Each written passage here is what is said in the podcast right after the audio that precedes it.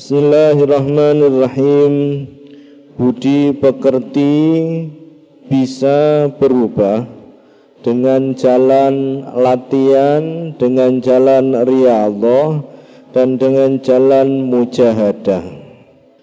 Baguskanlah budi pekertimu. Jinakkan dan tuntunlah emosimu, marahmu, nafsu syahwatmu dengan jalan latihan dan kesungguh-sungguhan. Setiap hari dilatih maka kau akan mampu menguasai keduanya. Setiap hari ditahan setiap hari dilatih setiap hari disabarkan.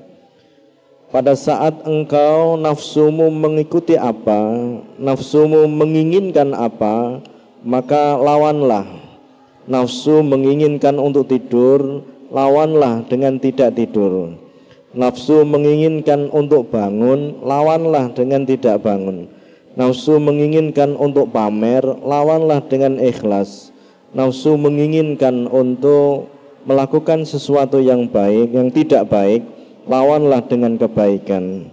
Maka cara yang semacam itu akan mampu untuk mengalahkan nafsu dan syahwat dan akhirnya nafsu dan syahwat tersebut terlatih sebagaimana anjing bisa terlatih.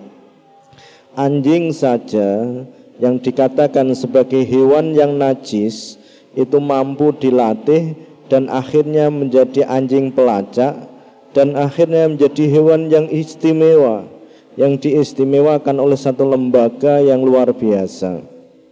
Ini berdasarkan hadis hasinu. Padha bagusake sira kabeh. Akhlaqakum ing pira-pira budi pekerti sira kabeh. Yang tadinya engkau mudah marah maka tahanlah agar tidak marah. Yang tadinya engkau makannya terlalu banyak maka tahanlah makan itu agar tidak terlalu banyak. Semuanya caranya adalah dengan berlawanan dari apa yang diinginkan oleh nafsu fabil mujahadati mongko kelawan nemen-nemeni wariyadati lan latihan. Kawit nuntuna sira huma ing muring-muring lan nafsu syahwat. Fa mongko utahe sira qadirun iku wong kang kuwasa alaihi ing atase nglulutake muring-muring lan nafsu syahwat.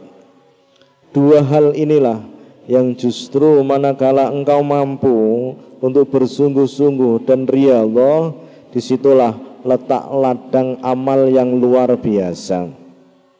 Macam-macam manusia ada empat. Satu orang yang bodoh. Dua orang yang bodoh dan sesat. Tiga orang bodoh sesat fasik yang nomor empat yang paling parah dan paling berbahaya adalah orang yang bodoh, sesat, fasik dan jahat. Macam-macam manusia yang pertama adalah orang yang bodoh. Manusia yang lalai, lupa, yang tidak dapat membedakan antara yang benar dan yang batil, yang baik dan yang buruk, ini disebut dengan manusia yang bodoh, ketidaktahuan mereka, ketidaktahuan dia yang menjadikan dia tidak tahu ini benar atau salah. Dia tidak tahu ini baik atau buruk. Yang membedakan antara baik dan buruk yang memberitahu itu adalah syariat. Bahkan ia masih seperti kejadian pada ciptaan awal yaitu kosong dari semua keyakinan seperti anak kecil belum bisa membedakan antara yang baik dan buruk seperti anak kecil belum bisa membedakan antara api ini panas dan tidak akhirnya api itu dipegang. Maka orang yang seperti ini cepat sekali menerima pengobatan. Innau satamne wong bainal haqqi ing dalam antarane perkara kang hak wal batil lan perkara kang batil. La yumayyizan iku ora bisa mbedakake temenan sapa wong. Falil ilaji mongko maring ditambani kabila nrimo sapa wong. Keterangan orang semacam ini dia membutuhkan seorang guru dan seorang penunjuk yang disebut dengan mursyid karena dia tidak tahu ini benar atau salah membutuhkan seorang guru membutuhkan seorang penunjuk yang menunjukkan ini benar ini salah ini benar ini salah ini baik ini salah menurut syariat dan ia membutuhkan suatu penggerak dari dirinya yang mendorongnya kepada mujahadah. Ada semacam kesemangatan, ada semacam kesadaran, ada semacam tenaga yang bisa untuk mendorong dirinya untuk selalu bersemangat, untuk selalu bermujahadah, untuk selalu bersungguh-sungguh. Caranya di antaranya adalah bahwa hidup ini batasi hanya sehari besok belum tentu ada, kemarin tidak bisa diulangi. Dengan membatasi hidup hanya sehari maka kita akan selalu bersemangat. Sekali lagi untuk menyimpan kesemangatan, untuk mempertahankan kesemangatan, untuk selalu semangat, jadikan hidup yang nyata ini hanya sehari saja. Batasilah hidupmu yang nyata hanya sehari saja Sekali lagi, kemarin tidak bisa diulangi, besok belum tentu ada. Oleh sebab itu yang saya sampaikan bahwa hidup ini diibaratkan buku tulis. Buku tulis cover yang pertama adalah tanggal kelahiran. Cover yang terakhir adalah tanggal kematian. Setiap hari kita diperintah berkewajiban untuk mengisi kehidupan hanya satu lembar saja. Besok satu lembar saja, besok satu lembar saja. Dengan demikian maka kita tidak tersandra hari kemarin dan tidak tersandra, tidak terbebani dengan masa depan yang akan datang. Kalau hari kemarin membebani kita, akhirnya hari ini kita tidak bekerja apa-apa, kita tidak beramal apa-apa, karena kita terpengaruhi dengan hari kemarin yang buruk atau kita tersandra dengan bayangan besok kita jadi apa besok bagaimana besok bagaimana anak saya makannya bagaimana. Dan akhirnya kita sekedar memikir bagaimana bagaimana bagaimana. Akhirnya hari ini kita tidak beramal nyata. Oleh sebab itu sering saya sampaikan sekali lagi bahwa jadikan batasi hidup kita hanya sehari saja. Besok belum tentu ada, kemarin tidak bisa kita ulangi. Yang namanya umur kita tidak tahu bahwa tipis dan tebalnya umur kita sesuai dengan jumlah dari buku yang telah disediakan oleh Allah kepada kita. Buku tulis itu ada yang tebal, buku tulis itu ada yang tipis. Tugas kita hanya sekedar mengisi sehari itu dengan sebaik mungkin. Orang ini kelak menjadi bagus budi pekertinya dalam jangka waktu yang sangat singkat. Macam-macam manusia yang kedua, orang bodoh dan sesat. Orang yang mengetahui keburukan akan tetapi ia tidak membiasakan berbuat kebaikan. Ini adalah orang yang bodoh yang sesat. Tahu bahwa itu buruk, tahu bahwa itu tidak baik, tahu bahwa itu adalah batil, tetapi dia tidak membiasakan untuk berbuat kebaikan. Maka orang ini disebut dengan orang yang bodoh dan sesat. Ia selalu mengikuti hawa nafsunya dengan menyimpang dari pendapatnya yang benar karena dikuasai oleh nafsu syahwatnya tahu bahwa ini benar tapi dia tidak melakukan kebenaran tahu bahwa ini buruk, tetapi dia tetap melakukan keburukan itu, maka orang ini disebut dengan orang yang bodoh dan sesat. Akan tetapi ia mengerti penyimpangan dalam perbuatannya, maka urusan orang ini lebih sulit daripada orang yang pertama. Dia bisa berubah dengan cara sangat sungguh-sungguh keteguhannya yang betul-betul keteguhan yang luar biasa dan latihan terus-menerus untuk melakukan kebaikan. Arafa ngerti sapa wong ubhama ing alane perkara. Yakunu kang ana apa ma qabiha iku ala apa ma. Lakinnahu tetapene wong lam yata'awwad iku orang biasa ake sapa wong salihan ing perkara kang bagus. Macam manusia yang nomor tiga, orang yang bodoh sesat dan fasik.